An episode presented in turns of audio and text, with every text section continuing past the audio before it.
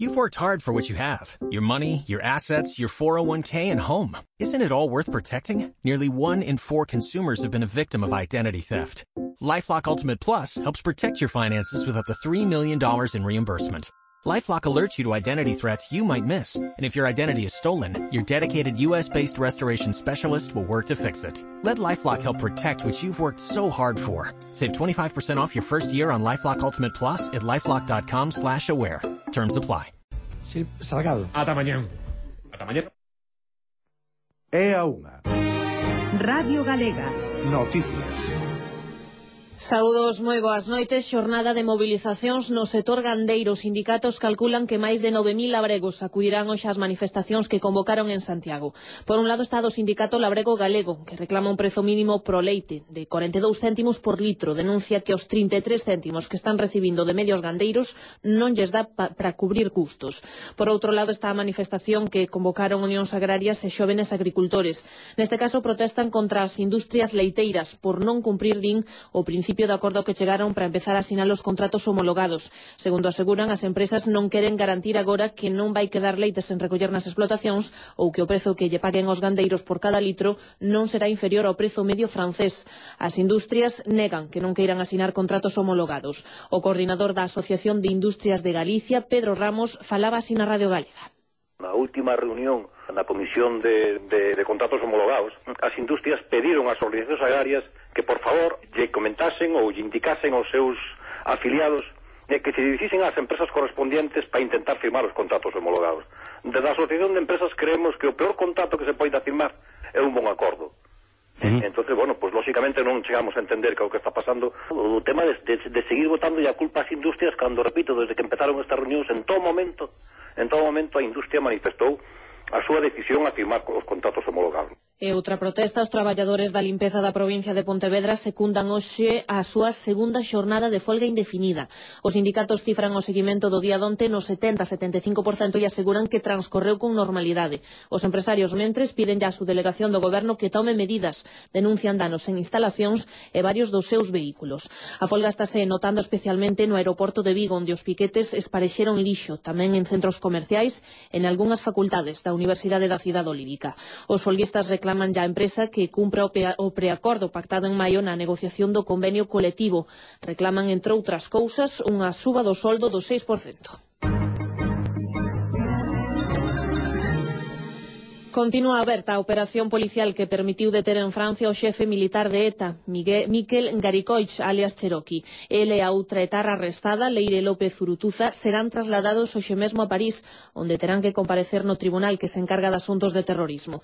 Cherokee era o principal obxectivo das forzas de seguridade españolas e francesas. Unha das claves para localizalo foi o coche roubado que usaba, que tiña unhas placas de matrícula moi antigas para ser auténticas.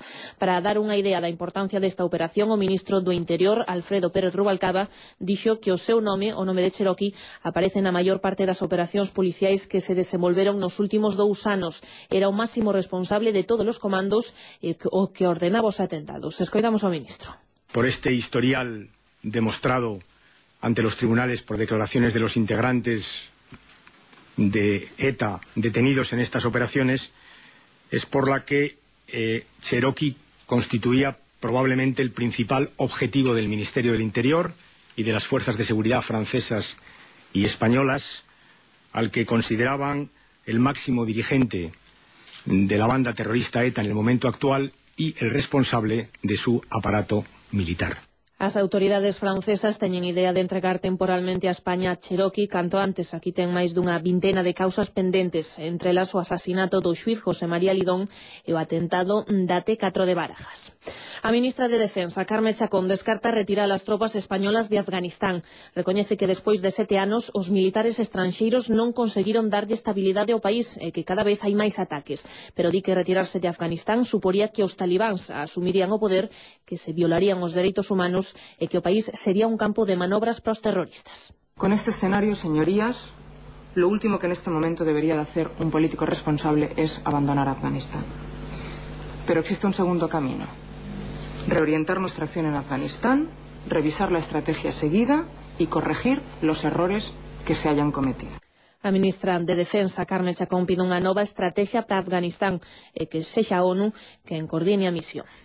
Unha nova económica. A economía galega resiste mellor que a media española entre xullo e setembro medrou unha décima, cando no conxunto do Estado caeu dúas décimas. Canto que levamos dano, o PIB galego medrou un 1,6%, que é casi o dobre ca no conxunto do Estado. Agora ben, se comparamos os datos con respecto a un ano, notase a desaceleración. No terceiro trimestre do 2007, a economía galega medrara un 4,2%. Así as cousas, o presidente dos empresarios galegos, Antonio, Antonio Fontenla, di que mal o mellor comportamento que ten Galicia, compre tomar medidas urxentes contra a crise. Los datos mm, son mejores los nuestros que los de la que los de la media española, pero la verdad es que estamos viendo que lo que decíamos cuando decíamos que esto no era una desaceleración, que era una crisis, pues se ha, se ha confirmado desgraciadamente. Que en este momento ya no se puede, no es un tratamiento de grajeas, es un tratamiento en vena. Tenemos que poner los medios para que lleguen rápidamente a las empresas. Radio Galega, o tempo.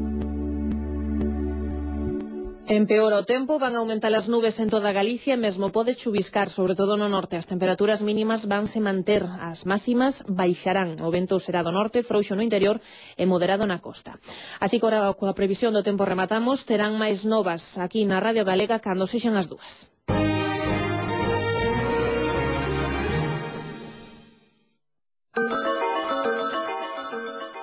Mitos, lendas, tradicións, costumes populares, sabedoría ancestral, fenómenos inexplicables, misterio. Afondamos nas crenzas populares para coñecer esta outra cara da realidade. Se non podes dormir, a lo menos tentaremos facerche soñar. Milenio una venta abierta a nuevos horizontes.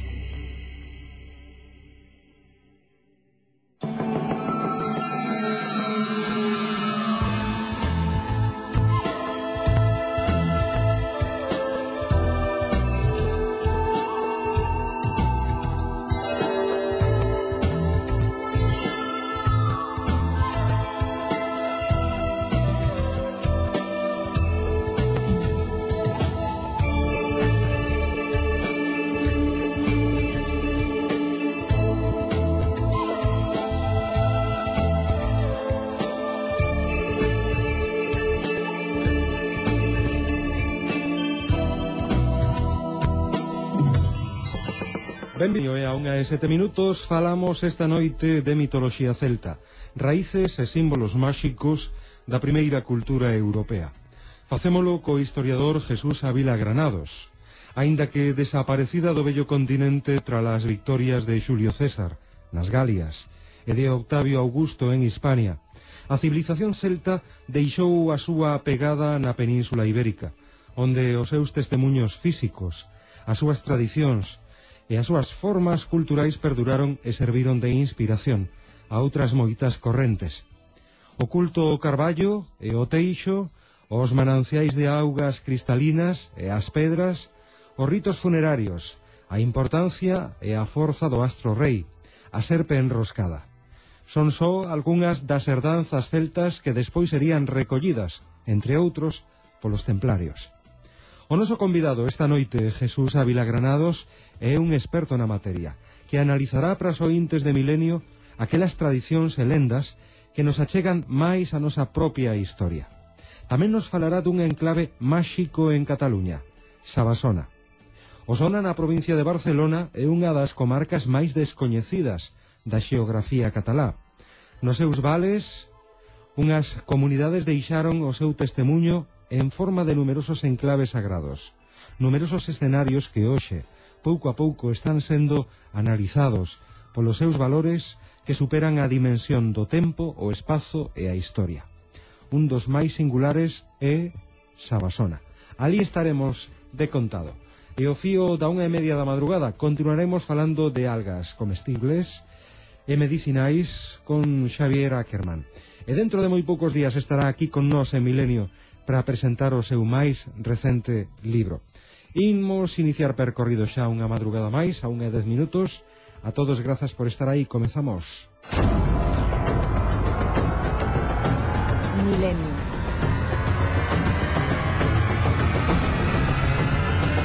De luns a xoves, de unha a dúas da madrugada.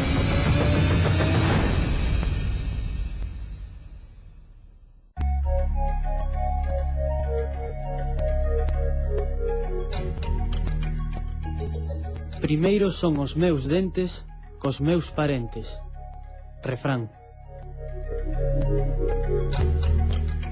Un egoísta é unha persona que pensa máis en si sí mesma que en min.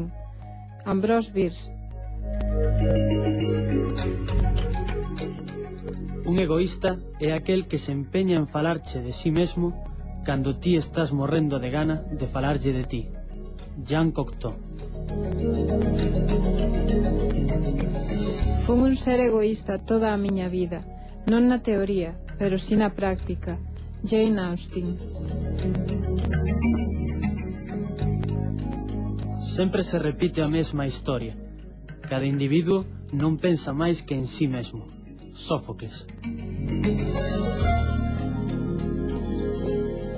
O egoísta amase a sí mesmo sen rivais. Marco Tulio Cicerón.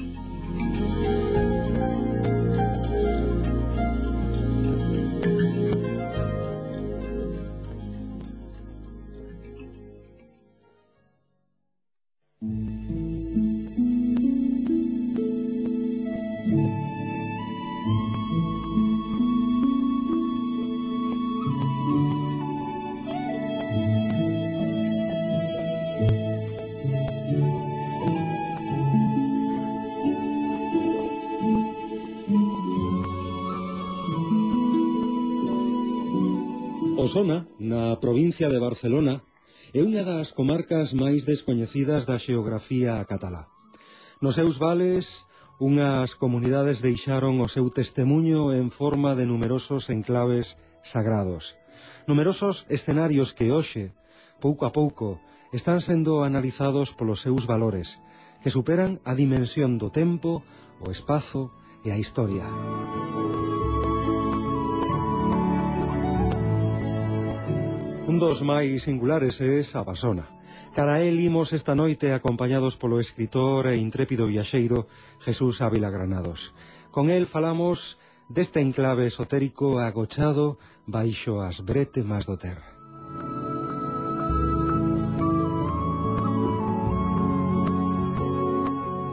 Jesús Ávila Granados, muy buenas noches. Hola, buenas noches, Antón. ¿Cómo es este lugar, Jesús? Bueno, este es un lugar que sorprende a propios y a extraños. Eh, es un lugar que no queda lejos de Barcelona y eso es lo, que llama la atención, que estando verdaderamente equidistante entre la ciudad de Barcelona y Gerona, en pleno corazón de las Guillerías, una tierra de bandoleros que hace poco estuvo en la pantalla de las cadenas de televisión de, de Cataluña hablando de Joan de Serrallonga, que era uno de los bandoleros del siglo XVII más legendarios. Él cabalgó por estas tierras pero estamos hablando de uno de los lugares más esotéricos como es Abasona, precisamente eh, muy cerquita del lago del pantano de Sau, en las Guillerías.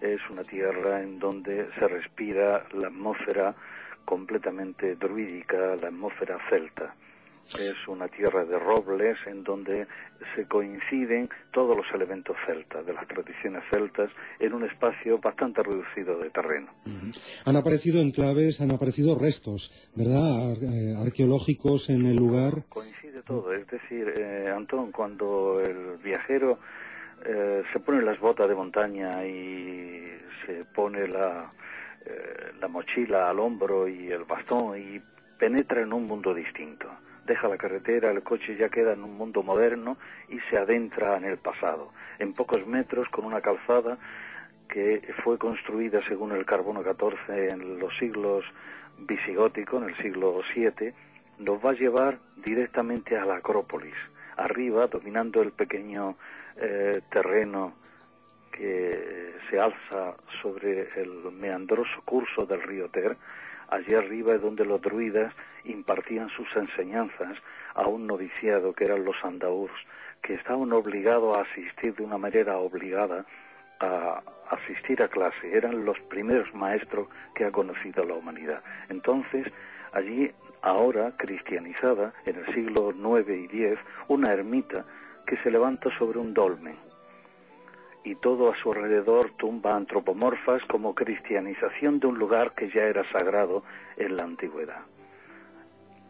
Háblame de la piedra del diablo, La piedra Jesús. diablo queda debajo, que era una piedra que debió de caer de- desde arriba de la cima y entonces tiene una forma de altar. Es una piedra que tiene unos unas líneas trazadas en su fachada principal. Es una piedra que tiene unos 15 metros de altura, encerrada completamente por una densidad de robles y es una piedra que transmite unas fuerzas energéticas muy grandes nada más tocarla. Eh, en la parte superior se cree que es donde los druidas sacrificaban a un animal pidiendo pues por las buenas cosechas, por la salud por- para las personas que pertenecían al clan, para el éxito en una posible batalla contra un enemigo o para eliminar cualquier referencia negativa en el resto de, del- de lo que era el conjunto del clan. Muy cerca se encuentran también los restos del castro y bueno, es, es que es una zona mm, que hay que respirarla, hay que sumergirse en ella para ver que la niebla incluso oh, contribuye a esa sensación onírica, ¿no? El roble continúa siendo el rey botánico de la zona. Efectivamente como rey eh, importante y luego debajo tenemos en el sotobosque el hechos y el boj. También algún brezo pero sobre todo el boj que tiene una raíz muy fuerte y desde siempre se han construido pues navajas de boj eh, cucharas y utensilios de cocina no es una madera muy fuerte como saben muy bien pero sobre todo ello se encuentra el erguido y todopoderoso el rey del bosque que es el roble En la misma zona se encuentra la ermita de San Feliu, que es una auténtica joya del románico. ¿no? Es una joya del románico, pero tiene muchas particularidades. Es una ermita pequeña, solo tiene dos eh, espacios de iluminación. Uno solamente que es el que entra el aire, que es a través de una ventana de cruz griega que tiene en la fachada de poniente. Esa, esa especie de rosetón servía para dos funciones. Primero para iluminar entrar un poco de aire en el edificio, pero al mismo tiempo era un talismán protector contra las fuerzas maléficas del poniente. Y la otra forma de entrar luz es una ventana con un, eh, no con cristal, sino eh, el alabastro, que es el, el elemento que se utilizaba para las ventanas alto medievales, y está en el ábside y debajo mismo se encuentra una tumba antropomorfa. Pero todo eso suspendido prácticamente de milagro al borde mismo del precipicio.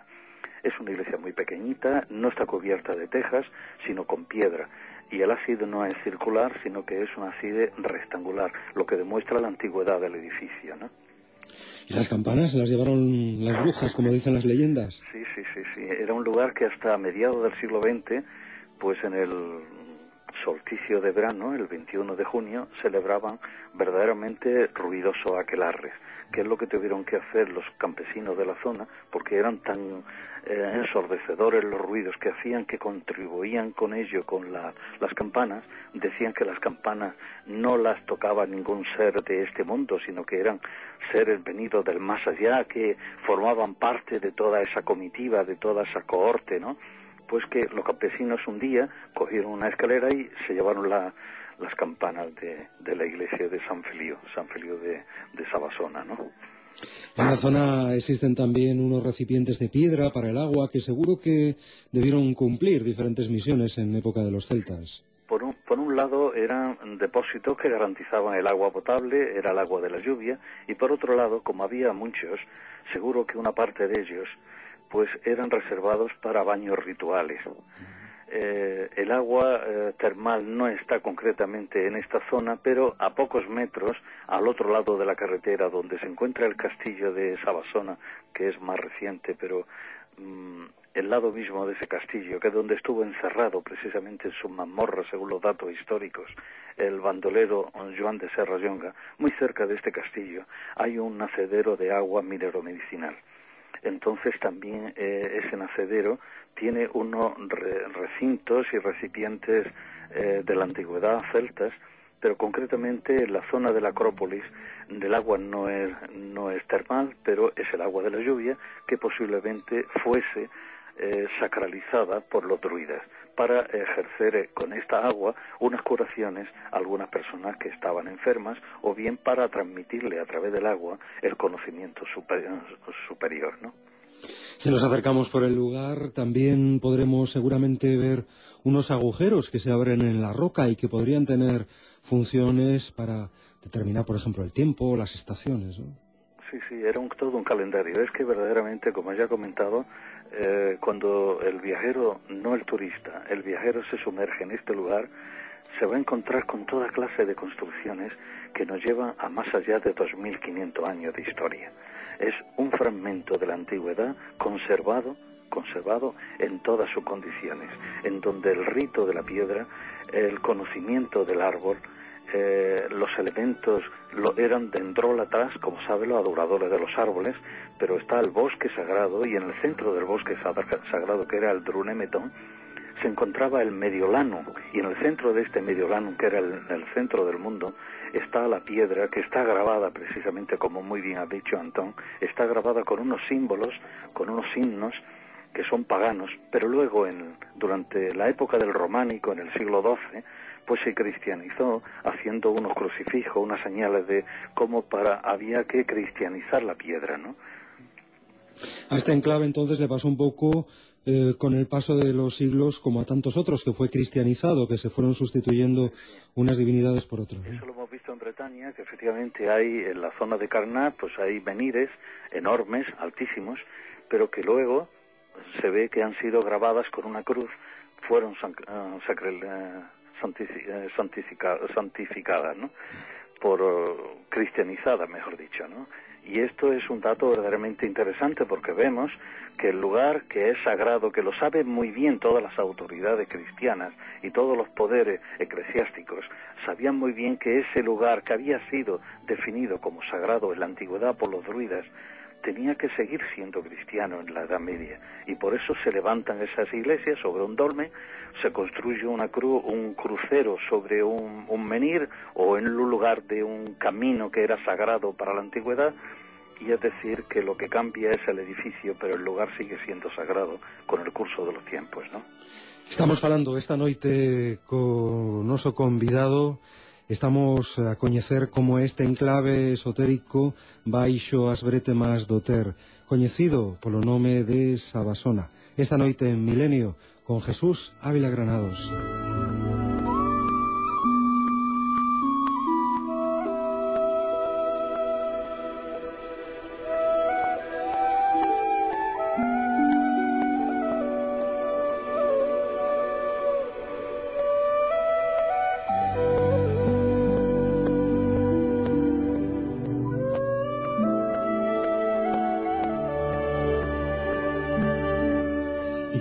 De los grabados rupestres de Sabasona, Jesús, que encontramos al ir descendiendo? Yo quisiera recordar otro dato también interesante que creo que les va a gustar a nuestros radioyentes, que es que en la parte inferior que hay, eh, antes de acercarnos a la piedra de los sacrificios, o la piedra del diablo también conocida, eh, hay una serie de encrucijadas de caminos que visto desde arriba eh, reflejan el, el trisquel, es decir, el trisquel era el amuleto sagrado, el más famoso y divino de los símbolos druídicos.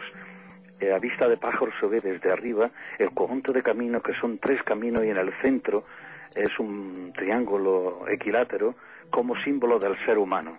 Sabemos que el trisquel tenía los tres brazos, uno representando el agua, otro la piedra y otro el aire. Sin duda alguna, cada uno de estos caminos efectivamente van a dar a un lugar de estos elementos y está demostrado que lo dan. En el centro se encuentra, lógicamente, la piedra esta que hemos hablado, que está grabada, que es en el Mediolanum, ¿no? Y en, los correspondientes caminos uno nos lleva hasta el río, que es el agua, otro a la piedra, que es la piedra de los sacrificios, y el tercer camino nos lleva hacia arriba, a la cúspide, que es donde está el, la Acrópolis, es donde se respira el aire sagrado y donde se encuentra la, ermita de, San Feliu, ¿no? Es decir, eh, no hay nada al azar, todo obedece a unas coordenadas y unos conocimientos que van mucho más allá del espacio, del tiempo y de la historia. ¿no? Y todo esto está parcialmente estudiado solo. ¿No ha habido Parcialmente interés? estudiado, porque yo recuerdo que la primera vez que empecé a investigar aquí, estaban unos arqueólogos que venían de la- una población que se llama Manlleu, que está cerca de, de Vic. Eh, lamentablemente este arqueólogo ya está jubilado, el otro que lo acompañó también ya está muy mayor. De hecho, esto está prácticamente virgen en el sentido de que no ha habido una, una continuación de trabajos de investigación y yo, por modestamente, por mi parte, lo que estoy haciendo es llevando a cabo una labor de investigación que no es arqueológica, pero sí es antropológica, como podríamos llamarla, ¿no? Porque creo que el lugar se lo merece, porque eh, constituye todo un fragmento de nuestra eh, de nuestro rico pasado, de la historia anterior a los romanos. Yo no sé por qué en nuestro país eh, parece como si todo lo anterior a los romanos fuese algo eh, tabú, ¿verdad? Y la verdad es que estamos en un escenario onírico, ¿eh? de bosque encantado, donde se podrían hacer mil y una películas, vamos. Pero efectivamente, que es que además se respira en el ambiente, en la atmósfera, los lugares, los enclaves, los árboles, todo contribuye a tener un marco singular. No hay nada artificial, todo es natural.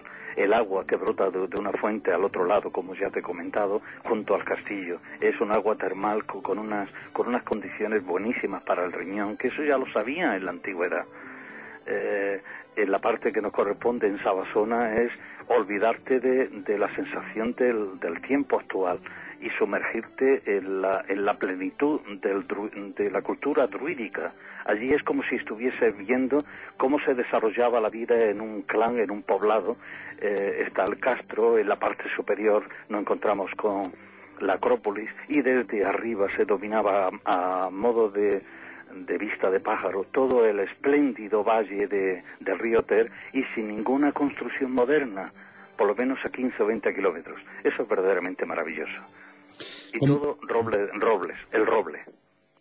O carballo, como dicimos aquí en, en Galicia, que está omnipresente. Vou lembrar os ointes de Milenio que Jesús Ávila Granados é, ademais, o autor do libro La mitología celta, da editorial Martínez Roca. No seu momento xa falamos con el de mitoloxía, eh, das últimas investigacións sobre este povo que non foi tan bárbaro como algúns quixeron facernos crer por aquilo das, de, de cortar as cabezas e demais.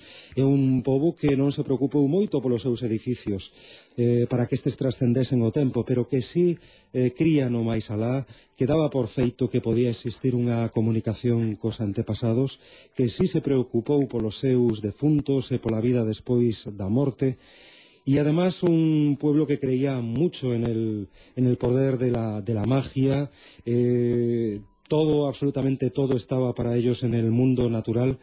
¿Y qué hay de ese poder y de ese conocimiento de los druidas, Jesús? ¿Realmente eran personas que gozaban del mayor prestigio social y político en esas sociedades? Efectivamente, vamos a resumir. Los druidas era el nivel superior de una escala de, de sacerdotal que comenzaba con los andaurs que iban atavia, a- que estaban mm, ataviados con túnica amarillas, luego estaban los bates, a quienes se les debe buena parte de la trascendencia de los mitos, tradiciones, creencia y conocimiento de todo tipo de la civilización celta, ya que ellos eran los encargados de compilarlos para después transmitirlo al pueblo.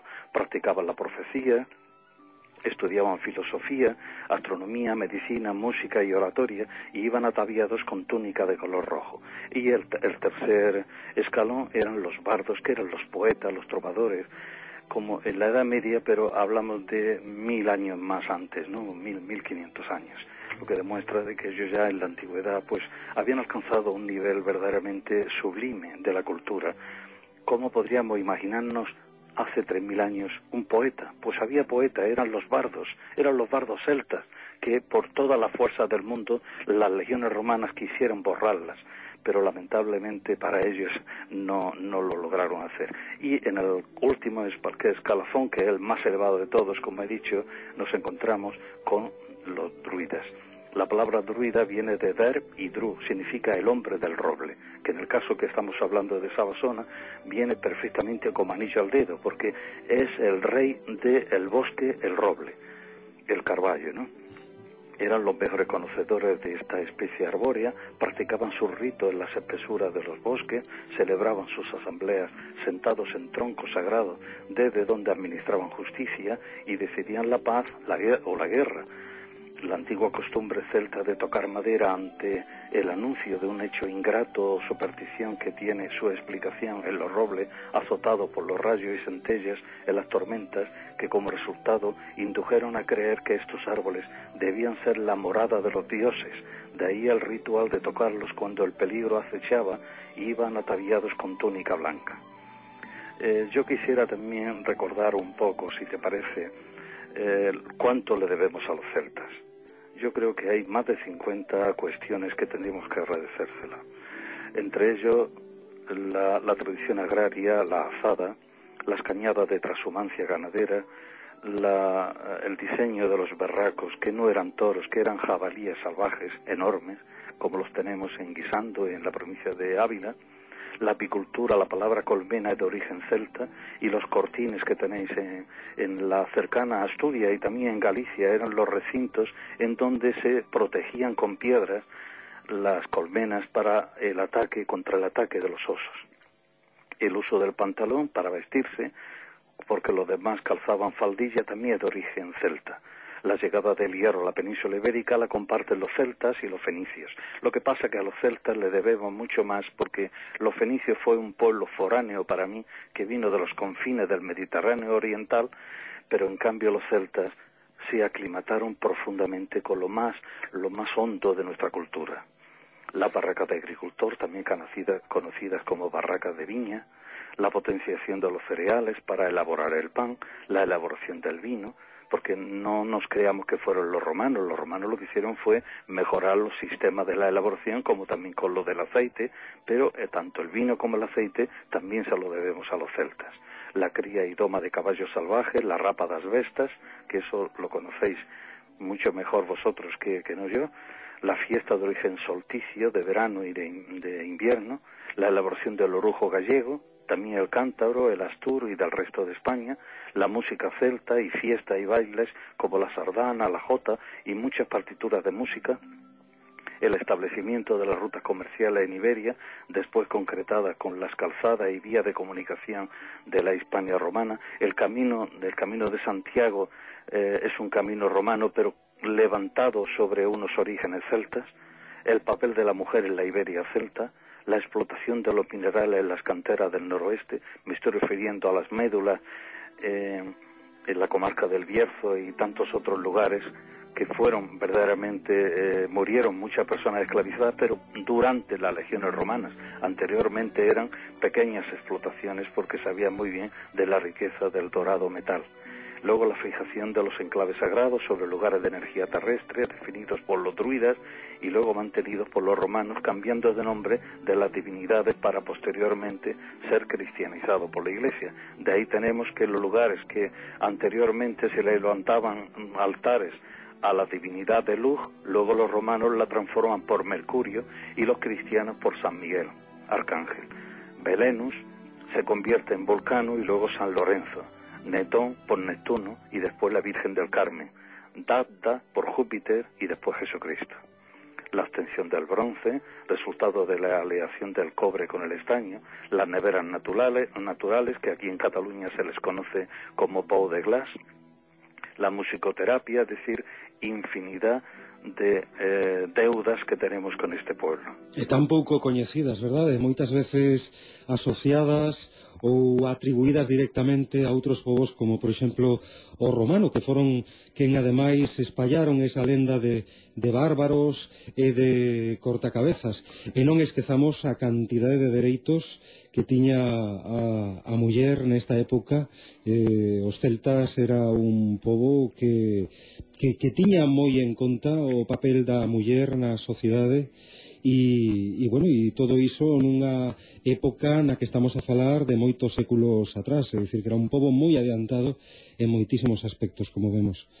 Pois aquí imos deixalo, Jesús Ávila Granado, sempre agradecidos pola túa complicidade por participar en Milenio, hoxe un pouco para achegarnos a este enclave máxico dos que aínda existen na xeografía española, un enclave esotérico baixo as bretemas do Ter, que é Sabasona, e de paso falar un pouco de mitoloxía celta e das moitas débedas que temos con este povo que non era guerreiro, senón, e basicamente, ou eminentemente, un povo volcado na agricultura. Moitísimas grazas, Jesús. Muchas gracias, Antón, y felicidades por el programa. Ata moi pronto. Vale, Ata logo, Jesús. Cuando tú quieras.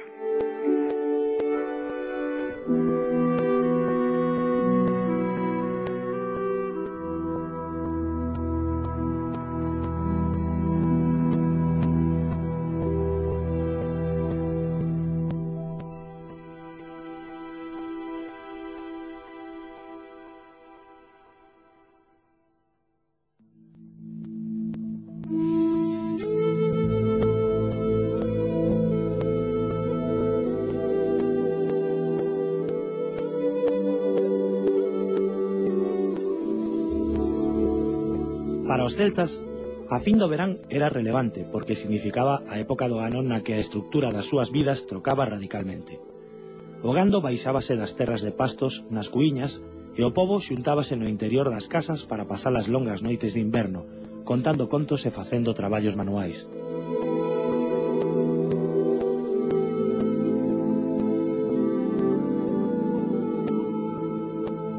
Os celtas crían que cando a xente morría ía a unha terra de eterna xoventude e felicidade chamada Tir Nanog. Eles non tiñan o concepto de ceo e inferno que a Igrexa Cristiá introduciu no país moitos séculos despois. Ás veces, pensábase que os mortos eran agochados onda o Fairy Folk, a xente das fadas, quen vivían nos numerosos outeiros que salpicaban a campiña irlandesa e escocesa. O Samhain era o aninovo dos celtas. No sistema de crenzas celta, os puntos de dar a volta como o tempo entre un día e o seguinte, o encontro do mar e a beira mar, ou o paso dun ano para o seguinte, eran vistos como tempos máxicos. O troco do ano era o máis potente deses tempos. Este era o intre no que o veo entre os mundos era o máis fino, e os vivos podíanse comunicar cos seus seres queridos mortos.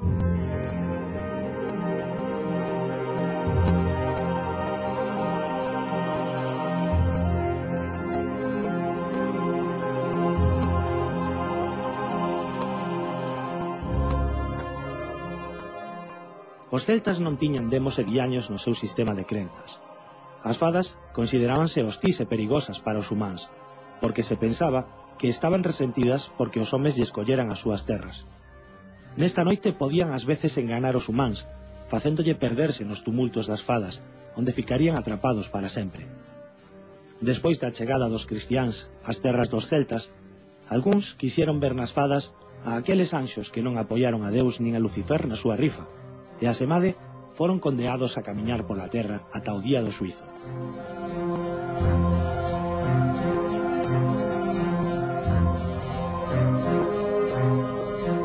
A religión celta estaba moi ligada á terra. As súas grandes lendas están enchidas de acontecementos que sucederon durante o tempo de Samhain. Moitas das grandes batallas e lendas de reis e heróis céntranse nesta noite, Moitas das lendas ocupanse da promoción da fertilidade da terra e o aseguramento da continuidade das vidas da xente a través da escura estación do inverno.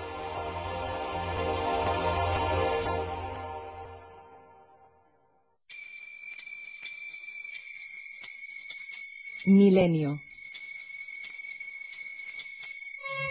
De luns a xoves, de unha a dúas da madrugada.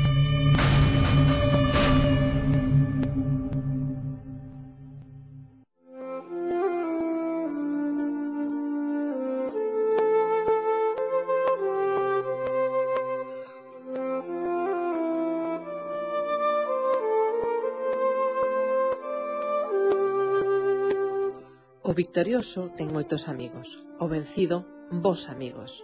Proverbio mongol.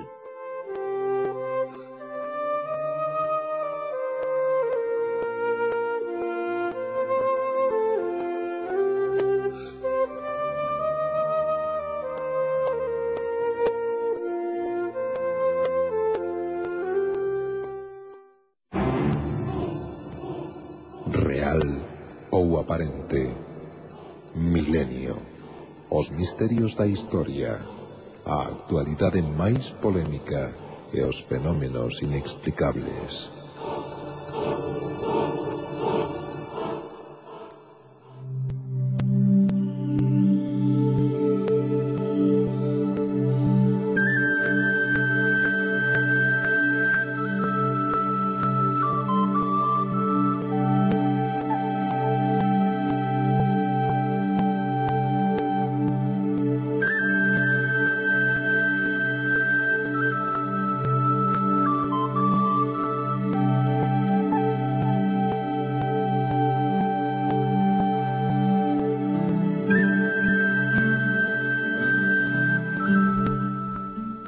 20 minutos. Chegaremos ás dúas da madrugada. Xavier Ackerman, moi boas noites. Boas noites, Antón. Estamos case case de estrella, eh? Este, este Benres, 21 de novembro Sete e media da tarde Temos a presentación en Vigo Na Casa do Libro Deste traballo, espléndido traballo que fixo Xavier Ackerman e que do que tantas veces falamos aquí en Milenio, tratamientos naturales de urgencia, tratamentos naturais de urxencia, haberá unha versión en galego tamén, da editorial Auga, un libro imprescindible para todos aqueles que queiran coñecer remedios naturais, tratamentos naturais de urxencia. Algúns deles, xa digo, estiveron presentes cada madrugada en Milenio, eh, a eles volveremos en calquera outra ocasión. Bueno, como te sentes despois do traballo realizado e despois de velo nesta edición espléndida que temos xa entre as mans, Xavier?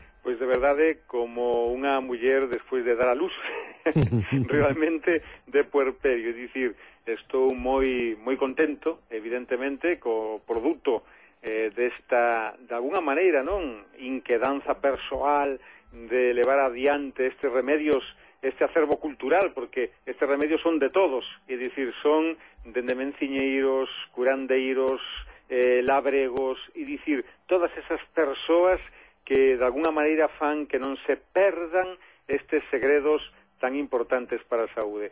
Eu, mm, de verdade, estou eh, abarallado eh, coa boa resposta. Xa nesta semana, porque levamos pouquiños días, eh, está casi quente o libriño de sair precisamente da editorial, eh, este venres efectivamente teremos a presentación este venres 21 de novembro aquí en Vigo na Casa do Libro, e despois farémono, farémono tamén en, en Santiago de Compostela, eh, na Coruña, iremos un pouquiño, pois, eh, de alguna maneira presentando este libro prácticamente nas principais poboación aquí de Galicia.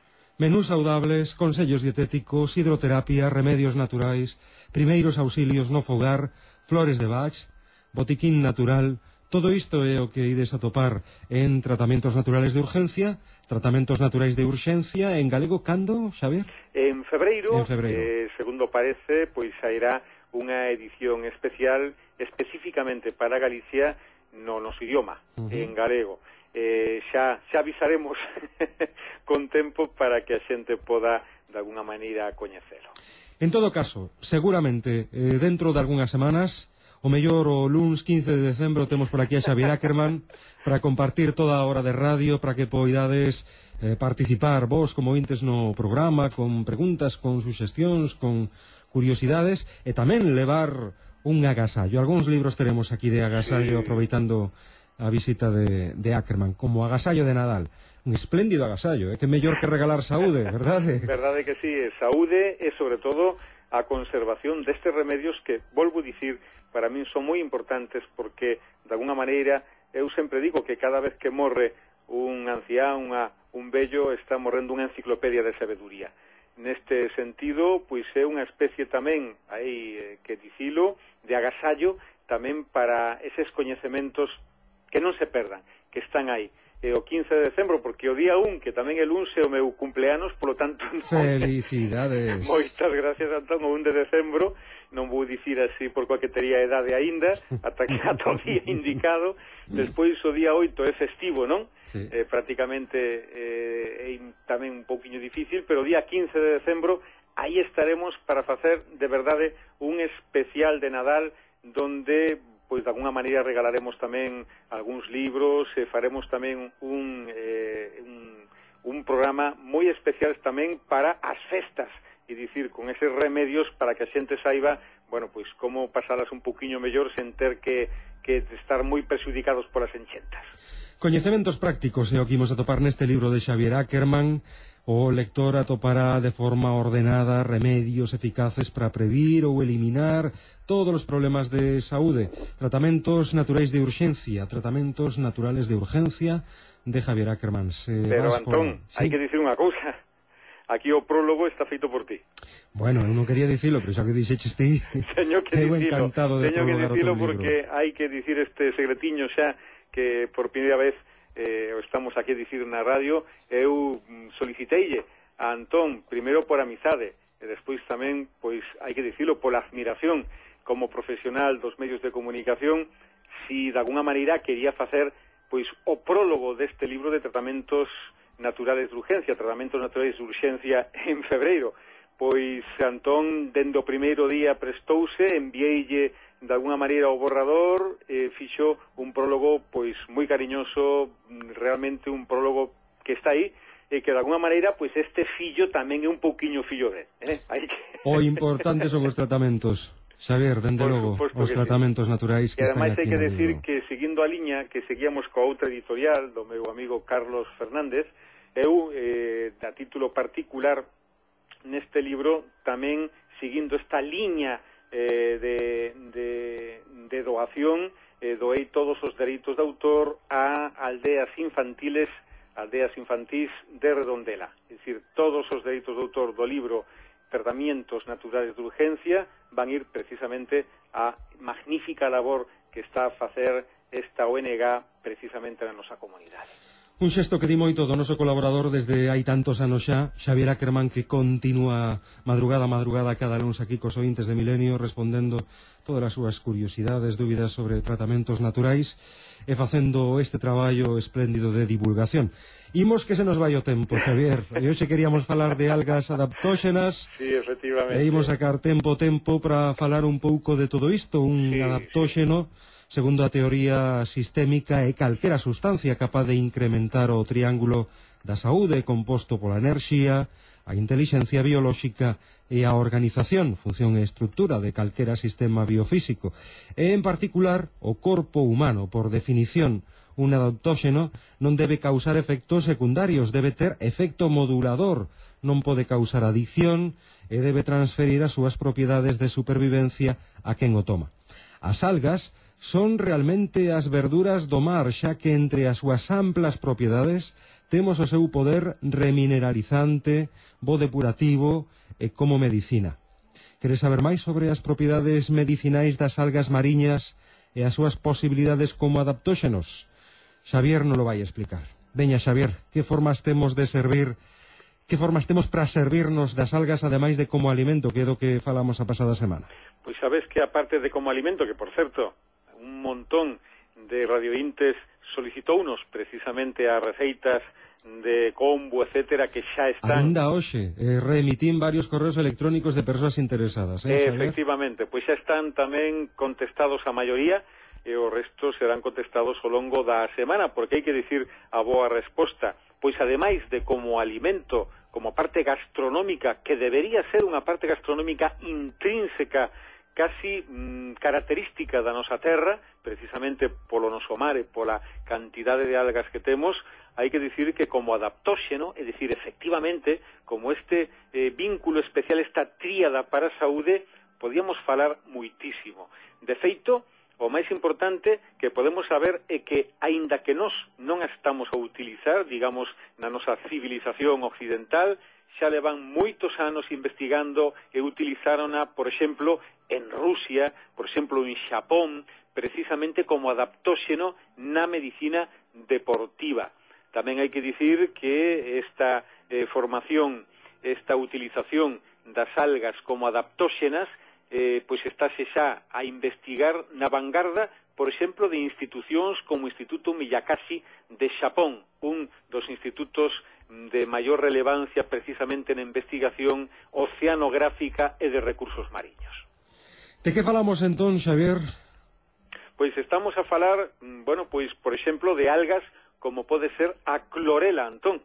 Pastillas. Ah, efectivamente, en forma de comprimidos, en forma de pastillas, en forma tamén de cápsulas como se poden vender. Por qué? Porque un adaptóxeno é unha concentración De feito, a que moi pouca eh, xente sabe é que os astronautas, por exemplo, eh, na súa dieta levan un alga que falaremos despois dela, que é a espirulina, e que están a levar precisamente algas en formas adaptoxénicas, é dicir, adaptadas precisamente a súa asimilación, con todas as propiedades, precisamente para que posúan estas pastillas, esta concentración adaptoxénica, todos os ingredientes necesarios para a saúde. Por exemplo, no caso da clorella ou clorella, cunha CH ao principio, pois recoméndanse 3 gramos diarios, aproximadamente un, pois para algunhas persoas acostumbradas ao que son as pastillas da farmacia, falarlle de 15 pastillas diarias é algo así como eh, un pequeno susto, pero realmente son 3 gramos diarios ao principio eh, pero moitos, inclusive doentes e moitos deportistas consumen ata 40 comprimidos o día, o que poden ser casi 8 gramos diarios, dependendo das necesidades enerxéticas e nutricionais. Sei, por exemplo, que certos exploradores precisamente da, do Himalaya, certos alpinistas tamén están a utilizar precisamente as algas en forma adaptoxénica. As persoas, por exemplo, que consuman clorella por primeira vez deben incrementar pouquiño a pouquiño a dose, porque ten un efecto desintoxicante moi brusco e algunhas persoas podense sentir pois con dores de cabeza, esgotamento, inclusive prurigo na pel. Por iso é importante, de alguna maneira, bueno, pois ir consumíndoas subindo, por exemplo, es comenzar con 3, despois con 6, 9, ata chegar ás 15 ou 3 gramos diarios de clorela. Para aquelas persoas, por exemplo, que as pastillas lle resultan difíciles de tragar, pois se lles pode suxerir que as mastiguen para machucalas ata convertelas nun polviño fino ata poder inxerilas. A clorela é un alimento, un alimento cunha alta concentración de nutrientes. Contén un 60% de proteínas. Antón, por poñer un exemplo, a carne máis importante, é dicir, a carne, por exemplo, que pode ser de boi en contido de proteínas, posúe ata un 36%, mentras que a clorela ten un 60%, casi o dobre, de proteínas que a carne. Ten 18 aminoácidos, incluídos todos os esenciais, e dicir, os máis importantes para o desenvolvemento da vida. Ten vitaminas, ten minerais, a cor verde viva que ten que presenta clorela é debido a gran cantidade que ten de clorofila, o que a fai moi importante, por exemplo, como desintoxicante, unha propiedade moi particular do alga clorela é un fitonutriente chamado CGF, eh, ou clorela growth factor, é dicir, factor de crecemento da clorela como lle chamaron os biólogos mariños. O CGF é un composto de ácidos nucleicos, é dicir, ADN e ARN, aminoácidos, péptidos, polisacáridos, é dicir, sustancias que os científicos consideran que xugan un papel esencial pois, por exemplo, para mm, eh, para poder desenvolver a vida na parte dura da parede celular, por exemplo, que é increíble a capacidade de supervivencia e inmutabilidade desta alga que fai de alguna maneira mm, que ten, pois mira, ten máis anos que eu, que vou a cumplir un de decembro, ten 540 millóns de anos, Antón. Que barbaridade. É decir, que podemos decir que posúen a su estructura eh, molecular todas, eh, como din algúns inclusive, toda a bagaxe de, de protección, de desenvolvemento, de crecimento da súa propia especie filoxenética. 540 millóns de anos. O importante que axuda a desintoxicar o organismo, axuda a regeneración das células, a reforzar o sistema inmune, en todo tipo de doenzas, esgotamento, intoxicación do organismo, moi importante, intoxicación por metais pesados. E o máis importante, Antón, sen efectos secundarios, e sen contraindicacións e totalmente carente de toxicidade e incompatibilidades coñecidas. O que se coñece desde hai pouco son as chamadas algas verdiazuis, non si? Sí? efectivamente, as chamadas AFA ou algas verdiazuis, eh, pois de alguna maneira é un enerxético e complemento vitamínico moi importante. De feito, contén 23 minerais, 14 vitaminas, 22 aminoácidos, entre eles todos os esenciais. Estamos a ver aquí unha cousa importante. Tanto a clorela como as algas verdiazuis, por exemplo, posúen todos prácticamente os aminoácidos esenciais, é dicir, os ladrilliños que conforman a vida De aí a importancia para a nosa alimentación. Estas algas verdiazuis ou afa proceden do lago Clamat e son axeitadas para toda a familia, achegando os nutrientes necesarios para o correcto funcionamento do corpo. De feito, é importante para nenos en crecemento, anciáns e persoas, por exemplo, que siguen regímenes de adelgazamento. O seu consumo é moi aconsellable, por exemplo, en nenos con trastorno de deficiencia de atención con hiperactividade, moi importante en nenos hiperactivos. Eh, estáse a estudiar moi ben precisamente este este trastorno en eles e a eh, aplicación das algas afa ou algas verdiazuis. Tamén son recomendados na literatura internacional como gran, unha gran axuda nos nenos índigos. Xa falaremos precisamente, Antón, nun programa especial dos nenos índigo, un tema realmente interesante. E ademais é un produto alcalmizante que contribúe dende a nutrición a regulación do pH do corpo e, por suposto, tamén sen efectos secundarios. As algas kelp xa se coñecen desde a antigüidade, pero que propiedades teñen como adaptóxeno? Porque ata o que se utilizaron como terapia en Chernóbil. Pois eh, escoitaste ben, Antón, porque o kelp son unhas algas importantísimas que entre as súas propiedades son desintoxicar sobre todo a glándula tiroide, e axuda sobre todo contra a radiación, é un gran desintoxicante. Persoas, por exemplo, por poñer un exemplo, que están que estánse a facer ou que lles fixeron moitas radiografías, eh, pois deberían consumir a gaskelp ou aquelas que están perto ou vivindo cerca de centrais eh, nucleares, por exemplo. Tamén as que toman moito sol, que é outra forma tamén de radiación. E tamén en Chernobyl, de feito, investigacións da Instituto Soviético de Radiación en, en Moscú fixeron precisamente un estudo médico moi importante eh, no cual eh, observaron que as algas kelp en alta dose pois eran capaces precisamente de inhibir sobre todo o exceso de radiación e os estragos da radiación precisamente no corpo humano.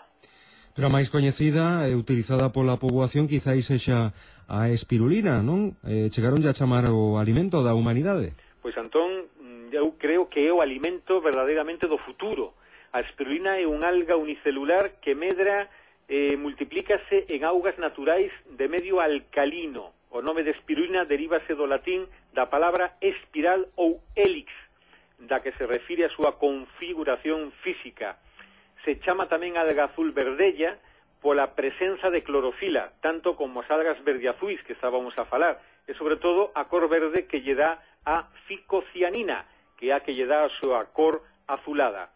Contén de 65 a 70% de proteína vegetal, en comparación ca carne de vaca, por exemplo, que ten 22% de proteína e do porco o 28% e do boi un 34 un 36, e dicir, posúe casi o dobre que a carne de calquer tipo de animal. É difícil de imaginar que unha fonte tan concentrada de nutrientes como a espirulina non presente un alto contido de grasas e calorías.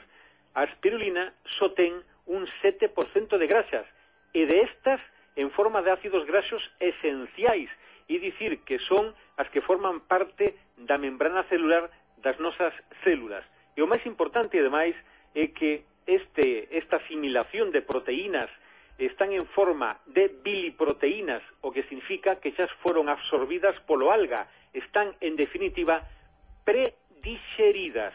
O máis importante que unha alga espirulina, Antón, que a min me gustaría dedicarlle, se che parece ben, un mm. programa específico máis adiante.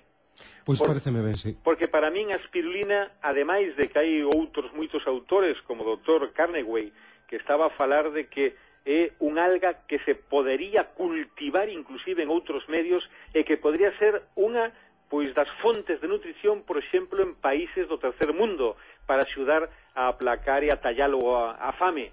Eu creo que poderíamos falar muitísimo e falaremos muitísimo máis da espirulina como un alimento do futuro. Aquí como adaptóxeno podemos dicir moitas cousas que está moi indicado precisamente para a nosa saúde, que contén minerais, potasio, calcio, magnesio, vitaminas de todo o grupo, e que ademais contén azúcares naturais e enzimas que axudan a prediselila En definitiva, que o consumo de 3 a 9 gramos diarios de espirulina, de 3 a 9 para toda a poboación, sería algo realmente moi importante, sobre todo en aquelas persoas que posúan ou que teñan carencias nutricionais.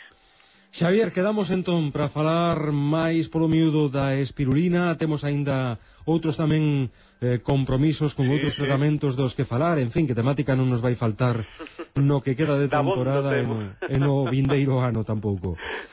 Pois lembramos, este Benres, será a presentación deste libro Tratamentos Naturales de Urgencia de Javier Ackerman. Será en Vigo, na Casa do Libro Benres 21 de novembro sete e media da tarde. Sete e media da tarde, se non tens nada mellor que facer achégate por ali e levarás un exemplar asinado de Xavier Ackerman. Grazas Xavier por estar aí, boas tardes, digo boas tardes, boas noites.